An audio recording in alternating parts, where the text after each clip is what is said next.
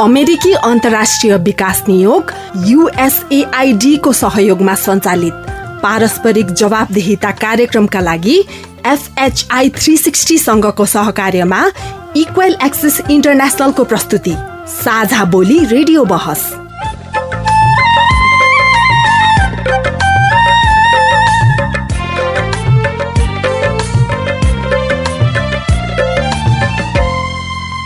नमस्कार। साझा बोली रेडियो बहसमा तपाईँलाई स्वागत छ। म मनु। साझा बोली रेडियो बहसमा हामी नागरिक समाज आम संसार माध्यम र सार्वजनिक निकाय बीचको पारस्परिक जवाबदेहिता र आपसी दिगो सम्बन्धका विषयमा बहस गर्छौं। पारस्परिक जवाबदेहिताका क्षेत्रीय सवाल र परिवेश समेटेर तयार पारिएको साझा बोली रेडियो बहसको यो स्थानीय संस्करण हो। आजको साझा बोली रेडियो बहस रेडियो रेसुङ्गा एक सय छ दशमलव दुई मेगा हर्जले उत्पादन गरेको हो। जवाबदेहिताको राष्ट्रिय सवालमा नीति र कार्यान्वयनको समन्वय गर्ने साझा बोली रेडियो बहसको केन्द्रीय संस्करण इक्वल एक्सेस इन्टरनेसनलले काठमाडौँमा उत्पादन गर्छ। साझा बोलीका दुवै संस्करणहरू तपाईँले हरेक हप्ता एकै समयमा सुन्न सक्नुहुन्छ। साझा बोली रेडियो बहसको यस सत्रको यो स्थानीय संस्करणको आज पन्ध्रौं भाग हो। झण्डै चार वर्ष अघिदेखि प्रसारण भइरहेको साझा बोली यस वर्ष रेडियो बहसका रूपमा उत्पादन तथा प्रसारण हुन लागेको हो। साझा बोली रेडियो बहसको आजको भागमा हामी विद्यालय सञ्चालन गर्दा कोभिड उन्नाइसबाट सुरक्षित रहनका लागि गरिएको व्यवस्थापन निर्णय र कार्यान्वयनको अवस्था विषयमा बहस गर्दैछौ। पठन पाठनको सुनिश्चित एकातिर अर्कोतिर उनीहरू सुरक्षित रहने वातावरणको चाहिँ प्रत्याभूति यसका लागि निरन्तर नागरिक समाजको चाहिँ निगरानी पनि रहन्छ। त्यस्तै कार्यक्रममा विद्यालय सञ्चालन गर्दा कोभिड उन्नाइसबाट सुरक्षित रहनका लागि गरिएको तयारी विषयमा तपाईँ सिधा प्रश्नको सिधा जवाफ पनि सुन्न सक्नुहुन्छ। विद्यालयहरू खुले सुरक्षाका प्रक्रियाहरू राम्रोसँग अपनाइएन। साथै विद्यालय सञ्चालन गर्दा कोभिड उन्नाइसबाट बस्नका लागि गरिएको व्यवस्थापनलाई प्रभावकारी बनाउन गरिनुपर्ने कार्यका विषयमा पनि चर्चा गर्नेछौ। अहिले चाहिँ के भन्छौँ भने बरु निर्णय कम गरौँ कार्यान्वयनमा जोड दिउँ भन्छौँ। र निर्णय भइसकेका विषयलाई फलोअप गरौँ भनेर भन्छौँ। साझा बोली रेडियो बहस। अमेरिकी अन्तर्राष्ट्रिय विकास नियोग युएसएआइडी मार्फत अमेरिकी जनताहरूको सहयोगका कारण सम्भव भएको हो। यस कार्यक्रमभित्रका विषयवस्तु र सामग्री पारस्परिक जवाबदेहिता कार्यक्रमका एकल जिम्मेवारी हुन्। र यहाँ प्रस्तुत भनाइले युएसएआइडी वा अमेरिकी सरकारको विचार प्रतिबिम्बित गर्छन् भन्ने जरुरी छैन। रेडियो कार्यक्रम साझा बोली रेडियो बहसमा तपाईँलाई फेरि स्वागत छ।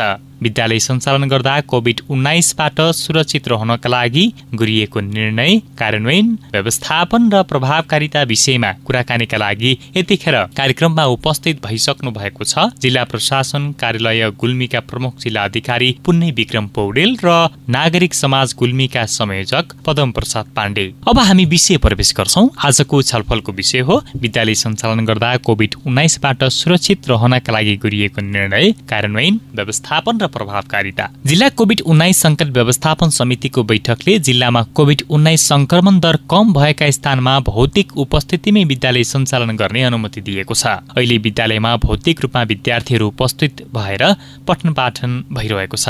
सबैभन्दा पहिला भौतिक रूपमा उपस्थित भएर पठन पाठन सञ्चालन गर्दा स्वास्थ्य सुरक्षाका सतर्कता कति अवलम्बन गरिएको छ भनेर सामुदायिक सञ्चारकर्मी अम्बिका आचार्यले केही नागरिकलाई सोध्नु भएको छ। सुनौ त्यसपछि हामी छलफल गरौं। आज खरो छलफल हुनेछ। कान थापेर सुन्नुहोला है।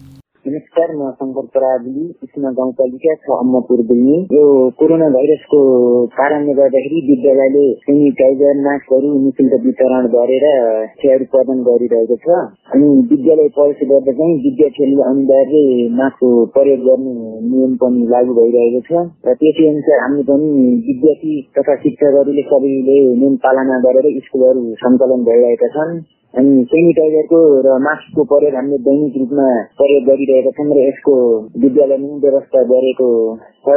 अनि विद्यालयले यस्तै सेवा सुविधाहरू प्रदान गर्यो भने विद्यालय सञ्चालन गर्न राम्रो उपयुक्त हुन्छ भन्ने लागेको छ। मेरो नाम ज्ञानेन्द्र प्राजुली हो।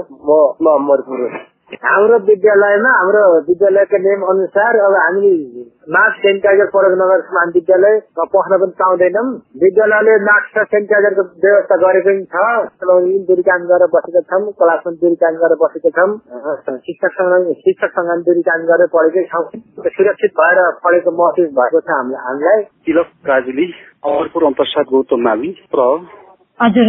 अहिले हामीले विद्यालय सञ्चालन गर्दा सुरक्षाका मापदण्डहरू अप्नाएका छौँ। प्रत्येक कक्षामा हामीले सेनिटाइजरहरू राखिदिने गरेका छौँ। अनि विद्यार्थीलाई हप्तामा दुई पटक मास्क वितरण गर्छौँ सबैलाई नियमित रूपमा।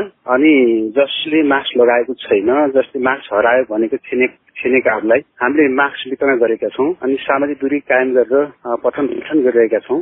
गाउँपालिकाबाट स्वास्थ्य शाखाबाट बोलाएर नमुना परीक्षण पनि गर्यौँ हामीले एन्टिजेन टेस्ट गर्यौँ एकजना म्याडमलाई मात्र देखियो अरू विद्यार्थी सरलाई देखिएन। उहाँ पनि काठमाडौँ जानुभएको थियो परीक्षा दिन अनि उहाँलाई देखियो। त्यसपछि उहाँलाई हामीले घर बस्न भन्यौँ। विद्यालय सञ्चालन गर्यौँ हामीले।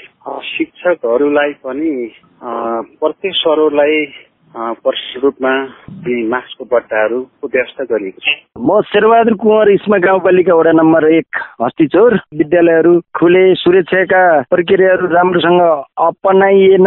एउटै मास्क धेरै दिनसम्म विद्यार्थीले आफ्नो घाँटीमा झुन्याउने वा खाजा खाँदा वा खेल्दा वा अन्य काममा मास्क नलगाउने हात राम्रोसँग नधुने जस्ता कामको परिणाम विद्यालय स्तरमा हुँदै समुदायसम्म कोभिड फैलिएको पाइयो। यसको तथ्य हामीहरूसँग छन्। हिमालय माविमा उन्नाइसजनामा कोभिड परीक्षण गर्दाखेरि सातजनामा पोजिटिभ देखियो।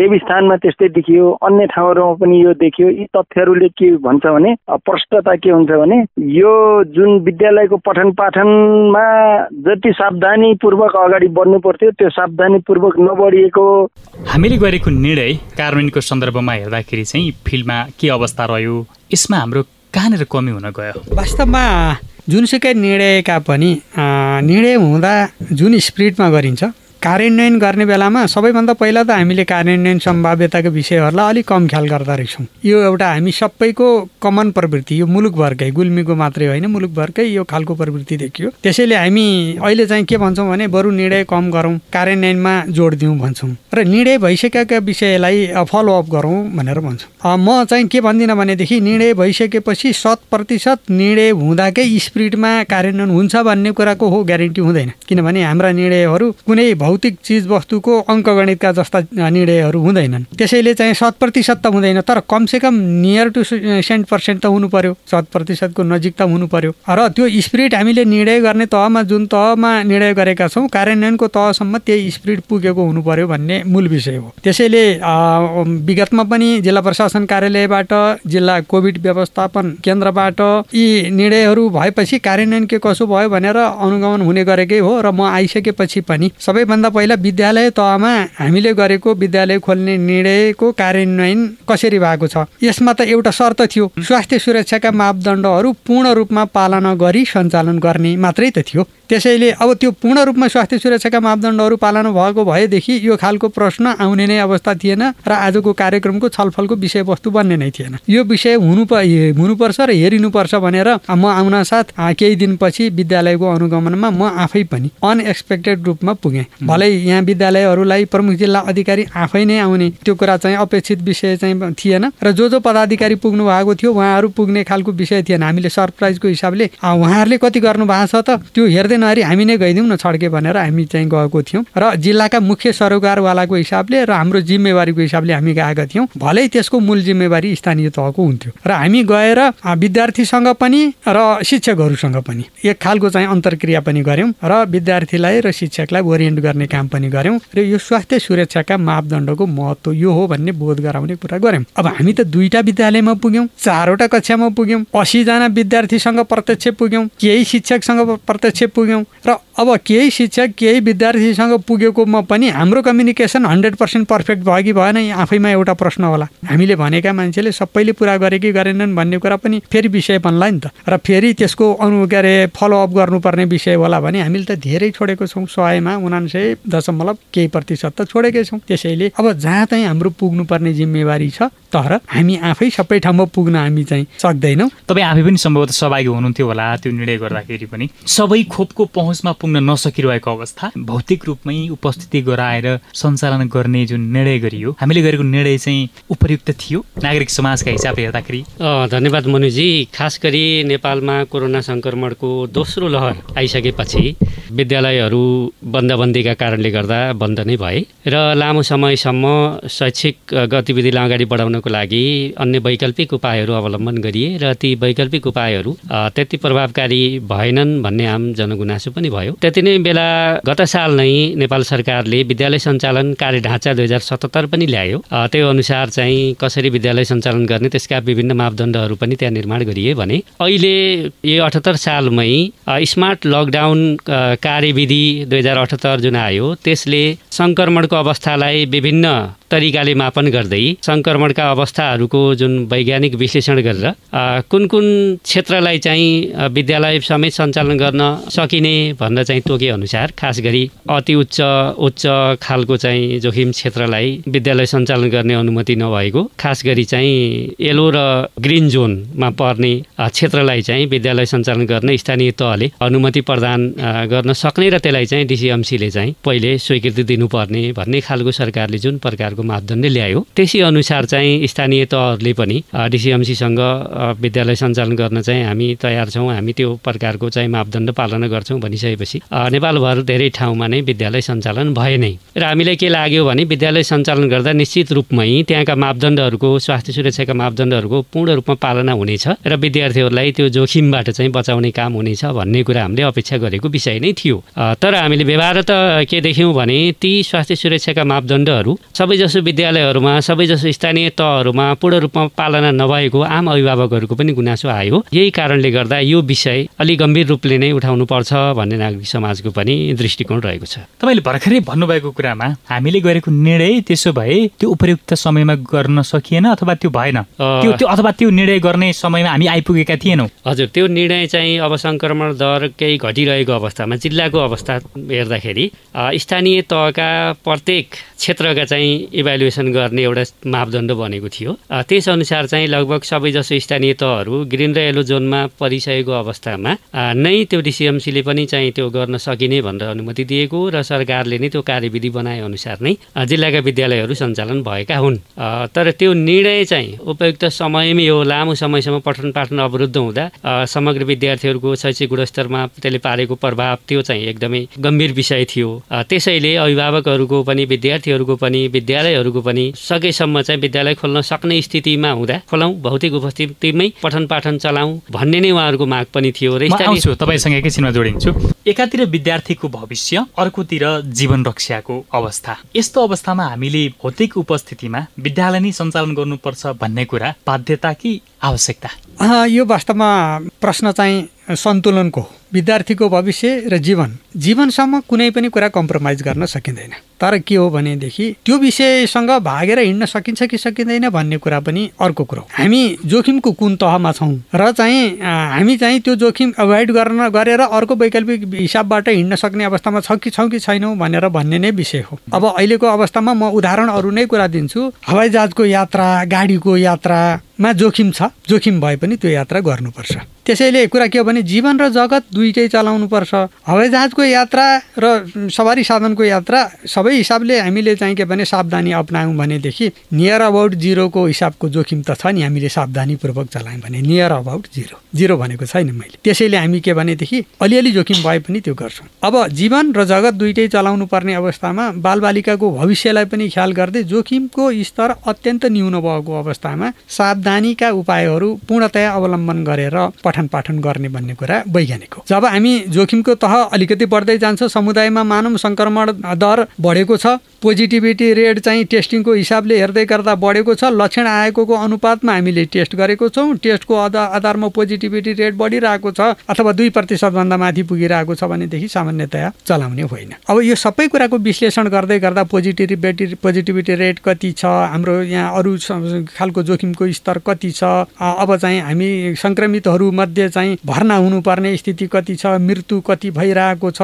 अथवा भएको छैन यी सबै कुराको आकलन गरेर हामी कुन अवस्थामा छौँ भनेर मूल्याङ्कन गर्छौँ र त्यो मूल्याङ्कनको आधारमा विद्यालय चल्ने कि नचल्ने भन्ने कुरा हो। हामीले निर्णय गर्दाखेरि शिक्षक अभिभावक विद्यालयका व्यवस्थापकहरूसँग छलफल गर्छौँ। होइन यो यो चाहिँ निर्णय लिँदाखेरि हाम्रा टेक्निकल्ली तपाईँले भने जस्तै छलफल गर्ने त्यो वर्गसँग छलफल गर्ने जिम्मेवारी चाहिँ स्थानीय तहका शिक्षा हेर्ने विशेष गरी शिक्षा हेर्ने कर्मचारीको हुन्छ।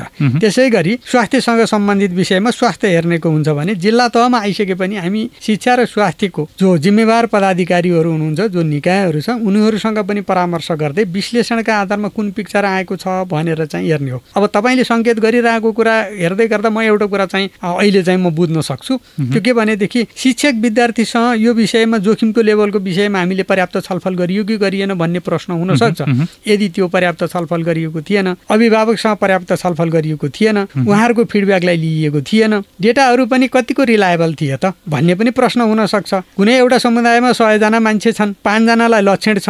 लक्षण भएका टेस्ट गर्न मान्दैनन् लक्षण नभएका म टेस्ट गर्छु भन्छन्। उनीहरूको चाहिँ टेस्ट गर्दा फेरि पोजिटिभै आउँदैन अनि के हामी त्यसलाई मान्ने हो त? पोजिटिभ भएको रेट भनेर मान्ने हो त त्यो त होइन नि। टेस्ट चाहिँ त्यसको हुनु पर्यो जसको लक्षण भएको छ उसलाई नछुटाइकन गरेको हुनु पर्यो र अनि पोजिटिभसँग प्रत्यक्ष सम्पर्कमा रहेर हाम्रो प्रोटोकलले टेस्ट गर्नुपर्नेहरूलाई टेस्ट गरिएको भयो भनेदेखि अनि त्यो रिलायबल हुन्छ। रिलायबिलिटीको कुरा र त्योसँग सँगसँगै सम्बन्धित सरकारवालाहरूसँग नै त्यो फिडब्याक लियो कि लिएन भन्ने खालको कुरा त्यो पनि महत्त्वपूर्ण छ। होला त्यस्तो विषयहरू कहीँ छुटेको छ भने यो विषय समेतसम्म पुग्नुपर्छ भन्ने चाहिँ हाम्रो मान्यता चाहिँ हो। तर मलाई जहाँसम्म लाग्छ त्यो तहसम्मको कुरा भएर आगो आधारमा निर्णय गरिएको थियो भन्ने मान्यता हो। होइन रहेछ भने अबका निर्णयहरू गर्दा तपाईँहरू ग्रासरुट लेभलसम्म पुग्नुहोस् है भनेर म प्रमुख जिल्ला अधिकारीको हैसियतले मैले चाहिँ जिम्मेवार पदाधिकारीहरूलाई निर्देशित गर्ने कुरा चाहिँ रहन्छ। म नागरिक समाजको संयोजक हुनुहुन्छ। म उहाँतर्फ आउन चाहन्छु। सुरुको पिरियडमा पनि थियो। विद्यालय सञ्चालन गर्ने एउटा परीक्षण जस्तो पनि भयो यो कोभिड महामारीको बिचमा। त्यो निर्णय हामी गऱ्यौँ र सञ्चालन पनि भए र यो विद्यालय सञ्चालन गरिसकेपछि हामीले गरेको निर्णयको औचित्य र आवश्यकताका हिसाबले हेर्दाखेरि चाहिँ हामी अहिले कुन अवस्थामा छौँ?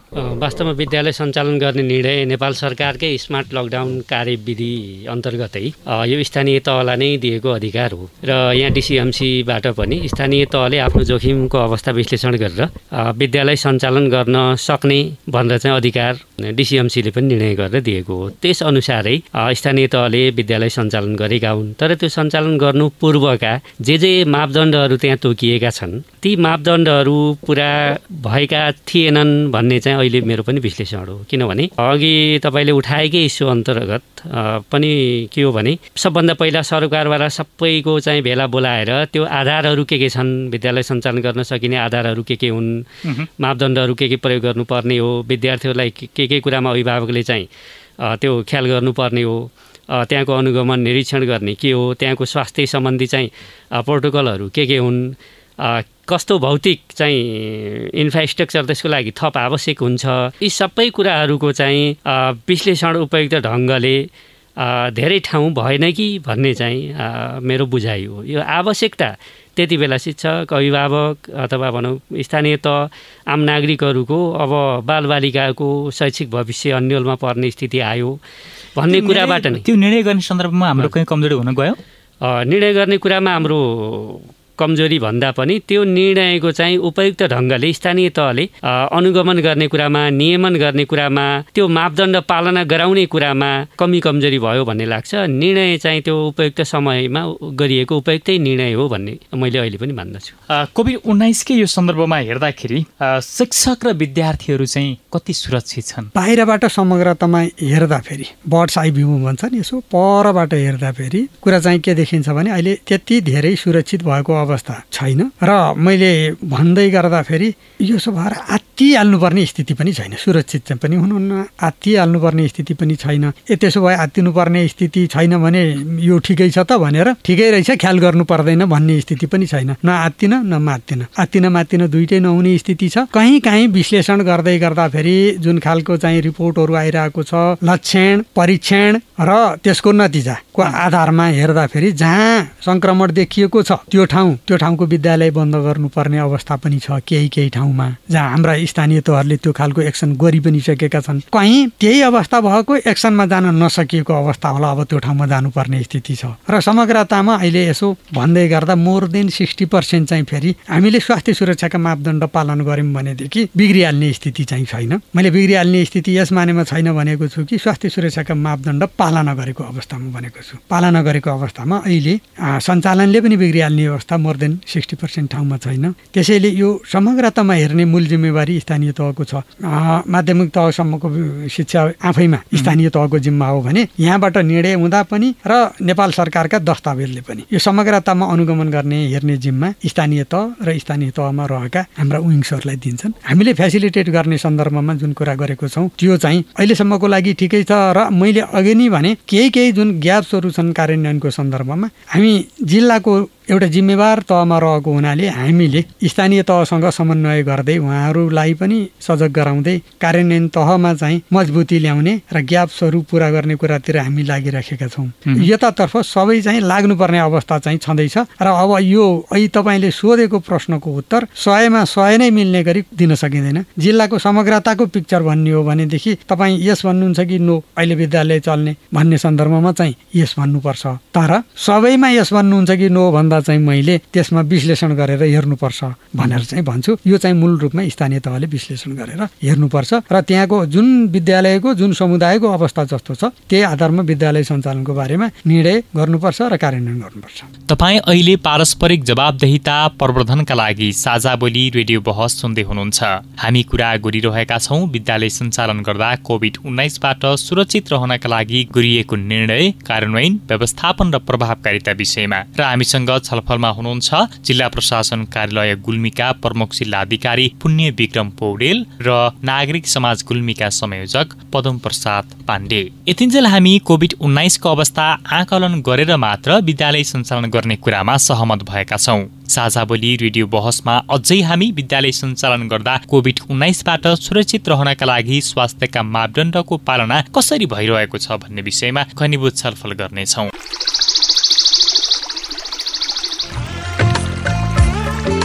प्रश्न परिवर्तनको सुरुवात हो।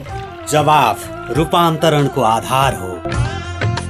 प्रश्न आविष्कारको जननी हो। जवाफ सुशासनको परिणाम हो। त्यसैले प्रश्न सोधौं जवाफ खोजौं। तपाईँले हामीलाई पैसा नलाग्ने नम्बरमा फोन गरेर आफ्ना कुराहरू भन्न सक्नुहुन्छ।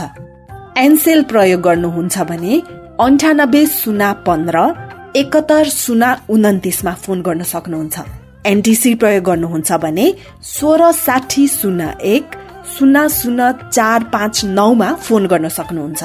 अथवा Boli Sajha at the rate Gmail dot com BOLI SAJHA at the rate Gmail dot कममा इमेल गरेर वा मेरो रिपोर्ट र साझा बोलीको फेसबुक युट्युब ट्विटर टिकटक पोस्टहरूमा सेयर लाइक वा कमेन्ट गरेर पनि आफ्ना कुराहरू भन्नु सक्नुहुन्छ। पारस्परिक जवाफदेहिताका लागि प्रश्न सोधौं जवाफ खोजौं। साझा बोली रेडियो बहस। रेडियो कार्यक्रम साझा बोलीमा तपाईँ अहिले विद्यालय सञ्चालन गर्दा कोभिड उन्नाइसबाट सुरक्षित रहनका लागि गरिएको निर्णय कार्यान्वयन व्यवस्थापन र प्रभावकारिता विषयमा सवाल जवाब सुन्दै हुनुहुन्छ।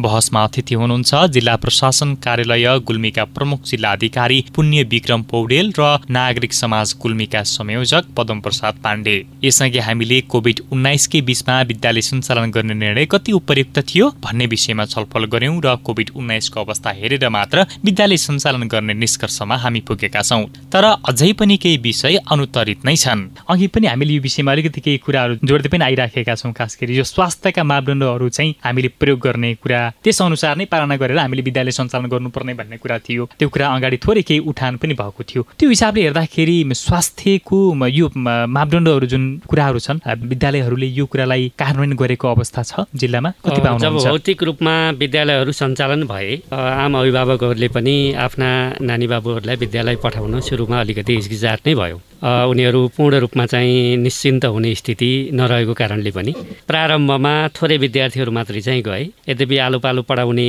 समय कम गरेर पढाउने विभिन्न विधिहरू पनि विद्यालयहरूले प्रयोग गरे। है खास गरी स्वास्थ्य सुरक्षा मापदण्ड मात्रै होइन धेरै कुराहरू चाहिँ त्यहाँ स्मार्ट लकडाउन कार्यविधि र विद्यालय सञ्चालन कार्यविधिभित्र चाहिँ छन्। त्यस अन्तर्गत चाहिँ मास्क अनिवार्य गर्ने कुराहरूदेखि गेटमै चाहिँ हात धुने साबुन पानीको व्यवस्था गर्ने कुराहरू दिवा खाजा स्वस्थ चमेना घरका कुराहरू त्यसपछि विद्यार्थीलाई भौतिक रूपमा दूरी कायम गराउने कुराहरू भिडभाड नगराइकन कक्षा कोठा व्यवस्थापन गर्ने विषयहरू भए त्यस्तै गरी चाहिँ प्रत्येक दिन कक्षा कोठा र त्यहाँका चाहिँ विद्यार्थीले प्रयोग गर्ने हरेक चिजलाई निसङ्क्रमण गर्ने कुराहरू भए त्यस्तै गरी कुनै विद्यार्थीलाई चाहिँ अकस्मातकै लक्षणहरू देखियो भने त्यसलाई आइसोलेसन गर्ने आइसोलेसन कक्षको निर्माणका कुराहरू भए प्राथमिक उपचार कक्ष निर्माण गर्ने कुराहरू भए यी यापत कुराहरूको परिकल्पना त्यहाँ छ ती मध्ये धेरै कुराहरू आधारभूत कुराहरू मास्कको उपयुक्त प्रयोगका कुराहरूसम्म चाहिँ केही दिन विद्यालय सञ्चालन हुँदै गर्दाखेरि विद्यार्थीहरूले पनि मास्क नलगाउने कुरा भए र एउटै मास्क चाहिँ लामो समयसम्म प्रयोग गर्ने कुराहरू भए अनि त्यहाँ साबुन पानी सहितको हात धुने व्यवस्था सेनिटाइजरको व्यवस्थाका कुराहरू धेरै विद्यालयहरूमा चाहिँ नभएको भिडभाड गेटमै है सदरमुकामकै एकदमै नामी चलेका स्कुलहरूमा पनि विद्यालय प्रारम्भ हुँदाखेरि चाहिँ आउने जाने समयमा राजनैतिक पार्टीको आमसभा जस्तो चाहिँ भिडभाड हामीले पनि देख्यौँ होइन? यो उपयुक्त भएन। यसले गर्दा विद्यार्थीहरू चाहिँ जोखिममा परे र पछिल्लो समयमा त यहाँलाई म बताउँ धेरै विद्यार्थीहरू चाहिँ विद्यालयमा अनुपस्थित भएको अवस्था तपाईँ आफै पनि अभिभावक हुनुहुन्छ। मैले एउटा प्रश्न जोडिहाल्छु। अहिलेकै अवस्थामा आफ्ना बालबच्चाहरूलाई विद्यालय पठाउने त्यो वातावरण छ? मैले आफूले मैले विद्यालयमा चाहिँ मेरो बच्चालाई पढाउँथेँ। त्यहाँ धेरै विद्यार्थीहरू बिरामी भएको कक्षामा चाहिँ अनुपस्थित भएको थाहा पाइसकेपछि म लगभग एक साता मैले नै मेरो बच्चालाई चाहिँ विद्यालय पठाइनँ। है अभिभावकहरू धेरै नै त्रसित भएर विद्यालय नपठाएको अवस्था पनि रह्यो भने केही विद्यार्थी अब भाइरल इन्फेक्सनको कारणले पनि हुनसक्छ त्यो अरू रुगाखोकीको सिजनल कारणले पनि हुनसक्छ बिरामी परेको अवस्था रह्यो है। त्यो बिरामी पर्नुको अवस्थाको पछाडि पनि सायद चाहिँ त्यहाँ दूरी कायम भएन कि भिडभाड बढी भयो कि स्वास्थ्य सुरक्षाको उपयुक्त मापदण्डहरूको प्रयोग भएन कि अलिअलि बिरामी भएको विद्यार्थीलाई चाहिँ त्यो विद्यालयले निगरानीमा राख्ने कुराहरू भएन कि। कस्तो देखियो भने यो प्रत्येक विद्यालयमा विद्यालय व्यवस्थापन समिति छ त्यहाँ शिक्षक अभिभावक सङ्घ छ होइन? अझै यो आम विद्यार्थीहरूको चासो राख्ने चाहिँ जिल्ला तहमा अभिभावक सङ्घ पनि होला विभिन्न विद्यार्थी सङ्घ सङ्गठन पनि होलान्। कसैले पनि विद्यार्थीहरूको सुरक्षाको विषयमा बोलेको अहिलेसम्म मैले सुनेको छैन यो एउटा दुर्भाग्यको विषय। त्यस्तै प्रत्येक पालिकामा त्यो पालिकाको चाहिँ स्वास्थ्य शाखा छ त्यहाँको चाहिँ शिक्षा शाखा छ। मैले ती कुनै पनि शाखाहरू चाहिँ विद्यालयको सञ्चालनको चाहिँ अनुगमन गर्नको लागि नियमन गर्नको लागि गएको देखिनँ। अझ भन्छ त्यहाँ त मनो परामर्शदातालाई समेत चाहिँ उपलब्ध गराउने भनेको छ। कोभिड लाएर निको भएको कोही त्यही क्षेत्रको मान्छे हुनसक्छ होइन? जसले गएर विद्यार्थीलाई चाहिँ यो विषयमा सबै कुरा ब्रिफिङ गर्न सक्छ। त्यस्तै गरी स्वास्थ्यको विज्ञानको शिक्षकलाई चाहिँ त्यहाँ फोकल पर्सन राख्ने भन्छ। यी कुनै कुराहरू भएको चाहिँ मेरो जानकारीमा छैन। कुनै तहले गरेको छ भने त्यो उहाँहरू धन्यवादका पात्र हुनुहुन्छ। तर यो ग्याप कहीँ न कहीँ छ र यो ग्यापले नै सङ्क्रमणको दर बढाइरहेको हो कि भन्ने चाहिँ अहिले जिल्लामा सक्रिय सङ्क्रमितको सङ्ख्या आजकै मितिमा हेर्नुहुन्छ भने चार सय उन्साठी छ हामी। यसलाई अलिक गम्भीर ढङ्गले नै विश्लेषण गर्नुपर्छ कि सबै ठाउँमा यो स्वास्थ्य सुरक्षाको मापदण्ड कडाइका साथ पालना गर्ने र सबभन्दा रिस्की ग्रुप विद्यार्थी भनेको सबभन्दा रिस्की ग्रुप जसले खोप पाएको छैन। यसित सँगसँगै खोपको विषय पनि उपलब्धताको विषय पनि जोडिन्छ। सबै नागरिकहरूलाई चाहिँ खोप उपलब्ध गराउने कुरामा यो सरकारको प्रतिबद्धता आएको छ तर त्यस अनुसारका चाहिँ क्रियाकलापहरू आइरहेका छैनन्। त्यसैले म नागरिक समाजको तर्फबाट यो खोपको विषयलाई पनि सँगसँगै अगाडि बढाउनको लागि चाहिँ आदरणीय प्रमुख जिल्ला अधिकारी समक्ष चाहिँ यो आग्रह गर्न चाहन्छु भने आम विद्यार्थीहरूको सुरक्षाको विषय जीवनसित गाँसिएको विषय हुनाले यो विषय चाहिँ टप प्रायोरिटीमा रहनुपर्छ र सबै निकायहरूले यो विषयलाई चाहिँ गम्भीरताका साथ कार्यान्वयन गर्ने पक्षहरू जो जो छन् अनुगमन गर्ने पक्षहरू जो जो छन् नियमन गर्ने पक्षहरू जो जो छन् र हामी तमाम अभिभावकहरूले पनि नियमित रूपमा आफूले बच्चाहरू पढाइरहेको विद्यालयको त्यो स्वास्थ्य सुरक्षा पालना छ कि छैन सम्पूर्ण मापदण्ड अनुसार ती विद्यालय चलेका छन् कि छैनन् भनेर आम अभिभावकहरूलाई पनि एउटा अनुगमन अभिभावकहरू आफैले पनि यो विषयमा रुचि चासो देखाएको त्यो पाउनुहुन्छ कि पाउनु त्यसैको प्रतिनिधित्व गर्नुहुन्छ यहाँ हजुर चिन्ता प्रकट गरेको मैले पाएको छु तर आफ्ना विद्यार्थीहरूलाई त्यो विद्यालयमै गएर के कस्तो अवस्थामा छन् भनेर चाहिँ हेर्ने गरेको चाहिँ कमैले पाएको छु मैले। गुल्मी जिल्लाको सन्दर्भमा यसभन्दा अगाडि अनुगमनका कुराहरू थोरै जोडिँदै पनि आइराखेका छन्। अनुगमन गर्ने संयन्त्र बनेको छ कि छैन अथवा कसले गर्छ यसमा कसरी व्यवस्थापन गरिन्छ? होइन यो विषय स्पष्ट छ। यो यो चाहिँ स्वास्थ्य सुरक्षाका मापदण्डको पालना स्थानीय तहले गराउने भनेपछि अनुगमन कसले गर्ने भनेर चाहिँ भन्नु पर्दैन। या स्थानीय तहको आफ्नै पदाधिकारी र जिल्लाको प्रमुख जिल्ला अधिकारी हुनुहुन्छ। मैले मैले चाहिँ भने जुनसुकै प्रश्नको पनि उत्तर शत प्रतिशत यस र नोमा चाहिँ छैन। यो कुरा त मैले ग्यारेन्टीको साथ भन्छु। तर हामीले अहिलेसम्म के भनिराखेका छौँ भनेदेखि कार्यान्वयनको बेलामा केही कमजोरीहरू हामीले देख्यौँ। अनुगमनको पाटोमा अब जोड दिनुपर्ने छ भन्ने कुरा चाहिँ रियलाइजेसन भएको छ। त्यो अनुगमन पश्चात आएको नतिजाले कहीँ कतै अब अहिले विद्यालय सञ्चालन गर्न सकिँदैन है भनेर विद्यालय बन्द गरेको स्थिति पनि छ र कहीँ चाहिँ के भनेदेखि ठिकै अवस्था भएर चलिरहेको स्थिति छ भने पनि धेरै ठाउँमा यो अनुगमन पूर्ण रूपमा नभएको हुनाले पिक्चर वास्तविक के हो त भन्ने नआएको स्थिति पनि छ। त्यसैले यो तिनै थरी स्थिति छ। यति हुँदा हुँदै म के भन्छु भने अनुगमनमा केही न केही ग्याप छ सुधार गर्नुपर्ने ठाउँ छ। त्यही कारणले मैले जिल्लामा शिक्षाको समन्वय गर्ने जुन इकाइ छ शिक्षा समन्वय इकाइ त्यहाँको प्रमुख र जनस्वास्थ्यको प्रमुख दुइटैलाई तपाईँले आफ्ना स्थानीय तहमा भएका शिक्षा हेर्ने स्वास्थ्य हेर्ने आफूसँग सम्बन्धित प्रमुखलाई एउटा एउटा चेकलिस्ट पठाउनुहोस्। यो यो विषय हेरियो कि हेरिएन अनुगमन गरियो कि गरिएन भयो कि भएन भनेर हेर्नलाई पठाउनुहोस् र के के कुरा मूल रूपमा ध्यान दिनुपर्ने हो त्यो कुराको सूची राखेर पठाउनुहोस् र उहाँहरूलाई अर्को जिम्मा के दिनुहोस् भनेदेखि जुनसुकै तपाईँहरूले हरेक विद्यालयमा पुगेर शिक्षक विद्यार्थी सबैलाई चाहिँ ओरिएन्ट गर्ने र शिक्षक र विद्यार्थी मार्फत समाजका सदस्यहरू अभिभावकलाई पनि ओरिएन्ट गर्ने घुमाउरो बाटो। त्यो पनि तपाईँहरूले चाहिँ लिनुहोस्। किनभने तपाईँहरू समुदायमै पुग्न चाहिँ सक्नुहुन्न। उहाँहरू समुदायमा पुग्न सक्ने स्थिति छैन। तर शिक्षक र विद्यार्थी मार्फत समुदायमा पनि पुग्न सक्ने उपाय पनि अवलम्बन गर्नुहोस् भनेर मैले भनेको छु। त्यो केही न केही कमी चाहिँ छ भन्ने महसुस गरेरै गरिएको हो। त्यसैले शत प्रतिशत अनुगमन भएको छ र र चाहिँ स्वास्थ्य सुरक्षाका मापदण्डहरू जुन जुन भनिएका थिए ती पुरा भएका छन् भन्ने चाहिँ ग्यारेन्टी गर्न सक्ने स्थिति होइन। तर समग्रतामा हेर्दा स्थिति ठिक ठिकै छ। कहीँ काहीँ अलिकति गम्भीर भएको हुनाले गम्भीर भएको ठाउँमा। अझै पनि हामीले चाहिँ दुई चारवटा ठाउँलाई यहाँ यहाँ सतर्कता अप्नाउनु पर्ने स्थिति छ है भनेर मैले नाम बिर्सेँ भने हाम्रो पदमजीले सम्झाउनु होला। रुरु रेसुङ्गा इस्मा धुरकोट सत्रकोट लगायतका स्थानीय तहहरूमा अलिकति जोखिमको स्थिति छ सजगता अप्नाउनु होला भनेर चाहिँ हामीले चाहिँ आज भनेको पनि छौँ। शिक्षक र विद्यार्थीको यो खास गरी स्वास्थ्य सुरक्षाका लागि हामीले कोभिड उन्नाइस व्यवस्थापन समितिले खास गरी के रणनीति के योजना बनाइराखेको छ? हरेक निर्णय गर्दा। अब धेरै कुराहरू विद्यालय सञ्चालनका सन्दर्भमा के के कुरा हेर्नुपर्छ भन्ने कुरा। विद्यार्थी आए बसे गए त्यो विद्यालय त्यो कक्षा कोठा निसङ्क्रमित गर्ने कुरादेखि लिएर विद्यार्थीलाई बोक्ने चाहिँ सवारी साधनलाई निसङ्क्रमित गर्ने कुरादेखि लिएर धेरै विषयहरू छन् जुन एसएमएस भन्छौँ नि हामीले चाहिँ मास्क सेनिटाइजेसन र सोसियल डिस्टेन्स। डिस्टेन्सिङ। यो कुरा चाहिँ गर्न सक्यौँ भनेदेखि धेरै कुरा धेरै कुरा चाहिँ के भनेदेखि समाधान हुन्छ। बाँकीले कन्ट्रिब्युट गर्ने भनेको बिस पच्चिस प्रतिशत हो। यति तिनटैले मात्रै पचहत्तर अस्सी प्रतिशत कन्ट्रि कन्ट्रिब्युट गर्छ। हाम्रो मूल ध्यान यी बाँकी पच्चिस प्रतिशतलाई नबिर्सँदै यो चाहिँ पचहत्तर अस्सी प्रतिशतलाई हन्ड्रेड पर्सेन्ट बनाइयो भनेदेखि बाँची बाँकीको पच्चिस प्रतिशतमा हामीले चाहिँ के भनेदेखि पच्चिस प्रतिशत मध्ये पन्ध्र बिन्दु मात्रै लियौँ भने पनि त हामी त पुग्ने भयौँ चाहिँ के भनेदेखि होइन हामी पुग्ने भयौँ पचासी नब्बे नब्बेमा पुग्ने भयौँ। होइन भनेदेखि त हामी के हुने भयौँ भने धेरै पछाडि पर्छौँ। यी तिनवटा कुरा बिर्सिनु हुँदैन। र यो मापदण्ड जुन छ त्यसको पालनामा हामीले निर्णयको तहमा भन्दा पनि कार्यान्वयनको तहमा हाम्रा मान्छेहरू सक्षम छन् कि छैनन् भन्ने कुरातिर अझ बढी ध्यान दिनुपर्छ भन्ने चाहिँ हाम्रो बुझाइ छ। यहीँनिर यो स्वास्थ्यका मापदण्डहरू चाहिँ पालना गर्ने गराउने गर्ने सन्दर्भमा चाहिँ यो पालना भएन भने कारवाही गर्ने त्यो हुन्छ कि हुँदैन? जिल्लाको अवस्था के छ? यसो हो। यो जसले अनुगमन गर्छ प्रारम्भिक रूपमा त्यसको करेक्सन पनि कसले गर्छ? उसैले गर्छ। स्थानीय तहले नै गर्छ। उहाँहरूले त्यो चाहिँ के भनेदेखि सक्नु भएन भने हामीले सहजीकरण गर्ने कुरा अन अलग्गै हो। तर नसक्ने भन्ने त प्रश्नै छैन।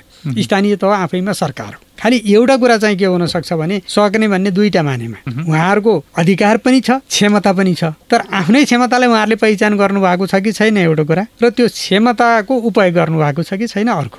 यो चाहिँ के हो भनेदेखि हाम्रो चाहिँ एउटा कमनली एक्सेप्टेड सङ्घीय सरकारको होइन कि नेपालकै मुलुककै दस्तावेजहरू बनाइएको हो हामीले कोभिडसँग लड्नको लागि जुन खालका दस्तावेज बनाएका छौँ। जब यो सबै नागरिकले एक्सेप्ट गरेका छन् मुलुकका तिनै तहका सरकारले एक्सेप्ट गरेका छन् र सबै सरकारवालाले एक्सेप्ट गरेको छ भने त्यो त्यसको सन्दर्भमा कार्यान्वयनको भ्यालिडिटी पनि त्यही कार्यान्वयनकर्ता अनुगमनकर्ताले जे गर्छ त्यहीँबाट सिर्जना हुन्छ। भ्यालिडिटी त्यहीँबाट आउँछ। त्यसैले यसरी मैले यसलाई ठाडो रूपमा चाहिँ यहाँ यस्तो कारवाही हुन्छ भन्दिनँ। म अब के भन्छु भने स्वास्थ्य सुरक्षाको मापदण्ड पालना गरेन भने त विद्यालय बन्द गरिन्छ नि। पालना गरेको पाइएन भने त्यस्तो विद्यालय गर्न सक्ने व्यवस्था त्यहाँ छ।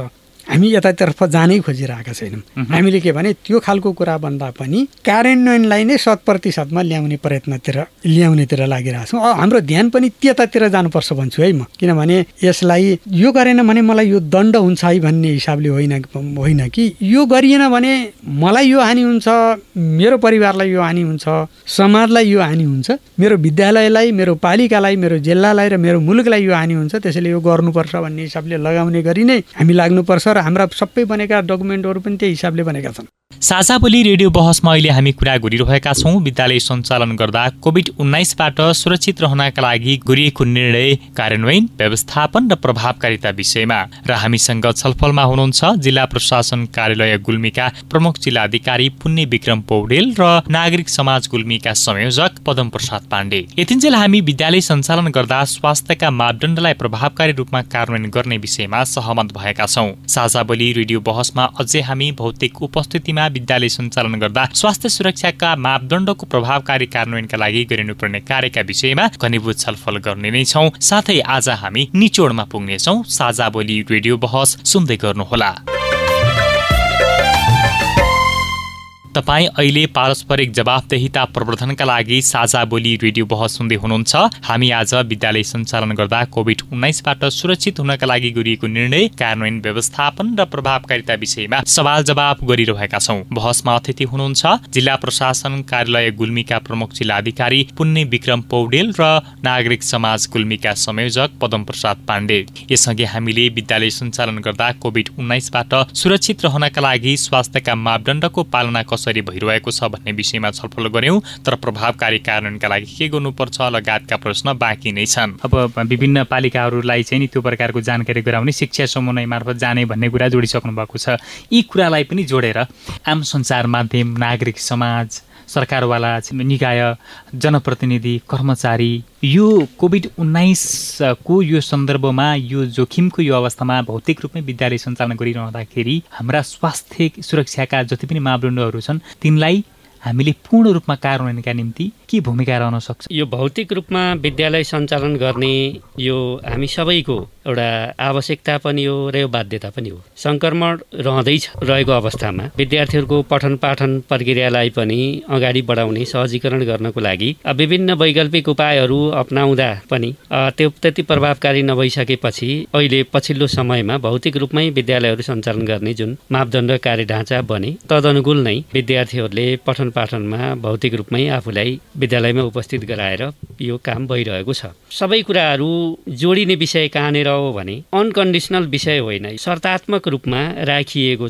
दिइएको चाहिँ अधिकार हो यो। स्थानीय तहलाई विद्यालय सञ्चालन गर्ने अनुमति अधिकार जुन दिइएको छ यो स्वास्थ्य सुरक्षाका सम्पूर्ण मापदण्डहरू पालना गरेको अवस्थामा र त्यो पनि उनीहरू रेड जोनमा परेको अवस्थामा पाइँदैन ग्रिन अनि येलो जोनमा परेको अवस्थामा मात्रै भौतिक रूपमा विद्यालय सञ्चालन गर्न पाइन्छ। र त्यो सञ्चालन गर्न पूर्व चाहिँ गर्नुपर्ने तयारीका कुराहरू सञ्चालन गर्दै गर्दाखेरिका अप्नाउनु पर्ने सजगता सतर्कता मापदण्डका कुराहरू यी सबै विषय भनेका के हुन् भने सबैका साझा दायित्वका विषय हुन्। र यो दायित्वबोध कर्तव्यबोध क कसले के कति मात्रामा गर्न सके गर्न सकेनन् भन्ने कुरा विश्लेषण गर्ने समय आइसकेको छ। किनभने सबैलाई आफ्नो अधिकारको चाहिँ बढी चिन्ता छ। स्थानीय तहहरूका अधिकारका कुराहरू उहाँहरूले बढी गर्नुहुन्छ र त्यो सँगसँगै आएका दायित्वका कुराहरूबाट उहाँ भन्छिनु मिल्दैन। आफ्नो स्थानीय तहभित्र सञ्चालन भएका विद्यालयमा विद्यार्थीहरूले चाहिँ जोखिम मुक्त वातावरणमा पढ्न पाइरहेका छन्। कि छैनन् त्यो हेर्ने पहिलो दायित्व उहाँहरूको हो। विद्यालयको पनि दायित्व होला। आफूले सञ्चालन गरिरहेको विद्यालय त्यहाँको व्यवस्थापन समिति त्यहाँको प्र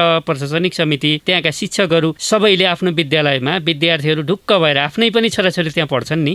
ढुक्क भएर पढ्न पाउने वातावरण छ कि छैन त्यो मिलाउनको लागि गर्नुपर्ने पहिलो दायित्व उहाँहरूको पनि हो। त्यस्तै आम अभिभावकको पनि त्यसमा दायित्व छ। आफूले निरन्तर रूपमा निगरानी गरिरहनुपर्छ आफ्ना विद्यार्थीहरूलाई। जो मुटुका टुक्रा जस्ता हुन् आँखाका नानी जस्ता ती विद्यार्थीहरूलाई दिनभरि बिहानभरि जुन चाहिँ विद्यालयमा पठाइन्छ त्यहाँ उनीहरू सुरक्षित रहने वातावरण छ कि छैन भन्ने कुरा अभिभावकले पनि निरन्तर निगरानी गर्नुपर्छ। त्यस्तै गरी यो नागरिक समाज विभिन्न सङ्घ संस्थाहरूले पनि यो विषयलाई चाहिँ उठान गर्नुपर्छ किनभने विद्यार्थीहरूको भविष्य स्वास्थ्य भन्दा ठुलो विषय अरू केही पनि छैन। पठन पाठन यो महत्त्वपूर्ण विषय हो तर त्यसभन्दा ठुलो चाहिँ जीवन हो। त्यसैले जीवनसँग सम्झौता गर्न सकिन्न र पठन पाठनलाई हामीले स्वास्थ्य सुरक्षाका मापदण्ड अप्नाएर अगाडि बढाउने भनेको हो यो। त्यो बिना नै खुला गरेर चाहिँ पढाउने भनेको होइन। सरकारले त्यो अनुमति दिएको छैन। डिसिएमसीले पनि त्यो अनुमति दिएको छैन। स्थानीय तहले पनि त्यो प्रकारको अधिकार प्राप्त गरेका छैनन्। त्यसैले स्थानीय तहले प्रत्येक साता आफ्नो स्थानीय तहभित्रका सम्पूर्ण विद्यालयहरूको जोखिमको अवस्था के छ त्यो मूल्याङ्कन गर्नुपर्छ। यो दायित्व बोध अलिकति कम भएको हो कि भन्ने मलाई लाग्छ र आम सञ्चार जगतले यो कुरालाई चाहिँ उठान गर्नुपर्छ र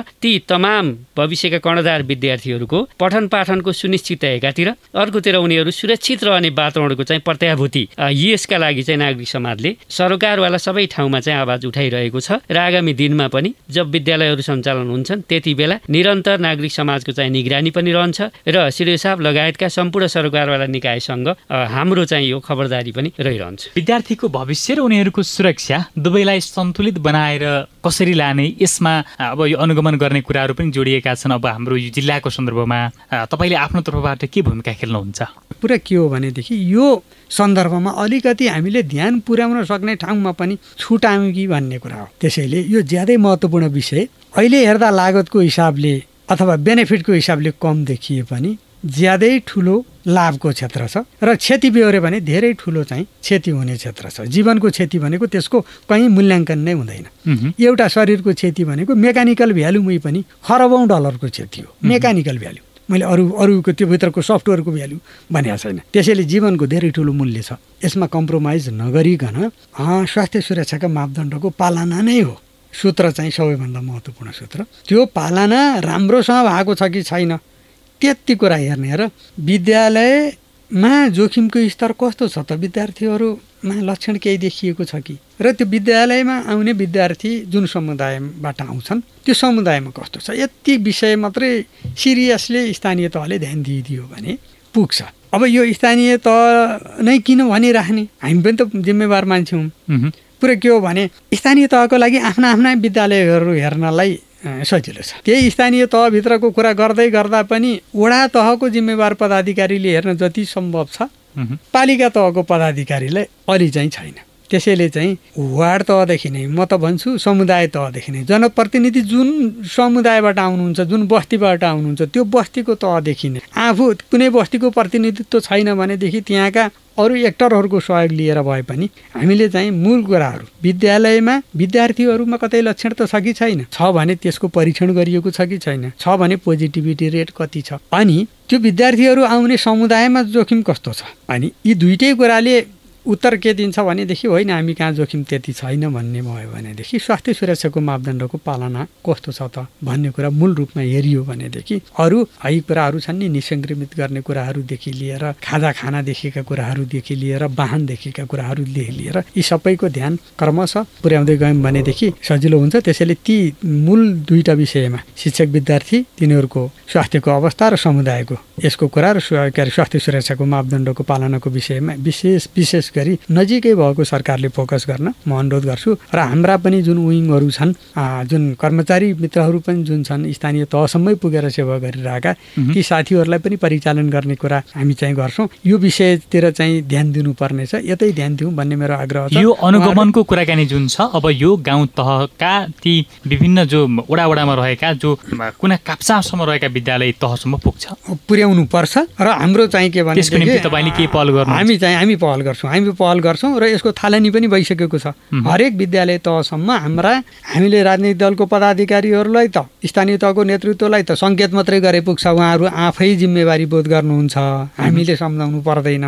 कर्मचारी साथीहरू चाहिँ विद्यालय विद्यालयमा पुग्नु सबै विद्यालयमा पुगेको हुनुपर्छ है भनेर मैले मौखिक रूपमा जुन भनेको छु त्यसलाई चाहिँ फर्मल्ली पनि म चाहिँ अगाडि बढाउँछु र कार्यान्वयन गर्ने कुरामा। हाम्रो चाहिँ प्रतिबद्धता छ। हस् हुन्छ यो बहसमा सहभागी हुनुभएकोमा प्रमुख जिल्लाधिकारी पुण्य विक्रम पौडेल त्यसै गरी नागरिक समाज गुल्मीका संयोजक पदम प्रसाद पाण्ड्य। यहाँहरू दुवैजनालाई धेरै धेरै धन्यवाद छ। हाम्रो तर्फबाट पनि यहाँलाई र यो समग्र सञ्चार जगतलाई धन्यवाद। साझा बोली रेडियो बहसमा अहिले हामी कुरा गरिरहेका छौँ। विद्यालय सञ्चालन गर्दा कोभिड उन्नाइसबाट सुरक्षित रहनका लागि गरिएको निर्णय कार्यान्वयन व्यवस्थापन र प्रभावकारिता विषयमा र हामीसँग छलफलमा हुनुहुन्छ जिल्ला प्रशासन कार्यालय गुल्मीका प्रमुख जिल्ला अधिकारी पुण्य विक्रम पौडेल र नागरिक समाज गुल्मीका संयोजक पदम प्रसाद पाण्डे। हामीले यतिन्जेल गरेको कुराकानीबाट अब हामीले कोभिड उन्नाइसको संक्रमण जोखिम न्यून भएका स्थानमा भौतिक उपस्थितिमा विद्यालय सञ्चालन गर्दा स्वास्थ्य सुरक्षाका मापदण्ड अनिवार्य पालना गर्नुपर्ने कुरामा सहमत भएका छौँ।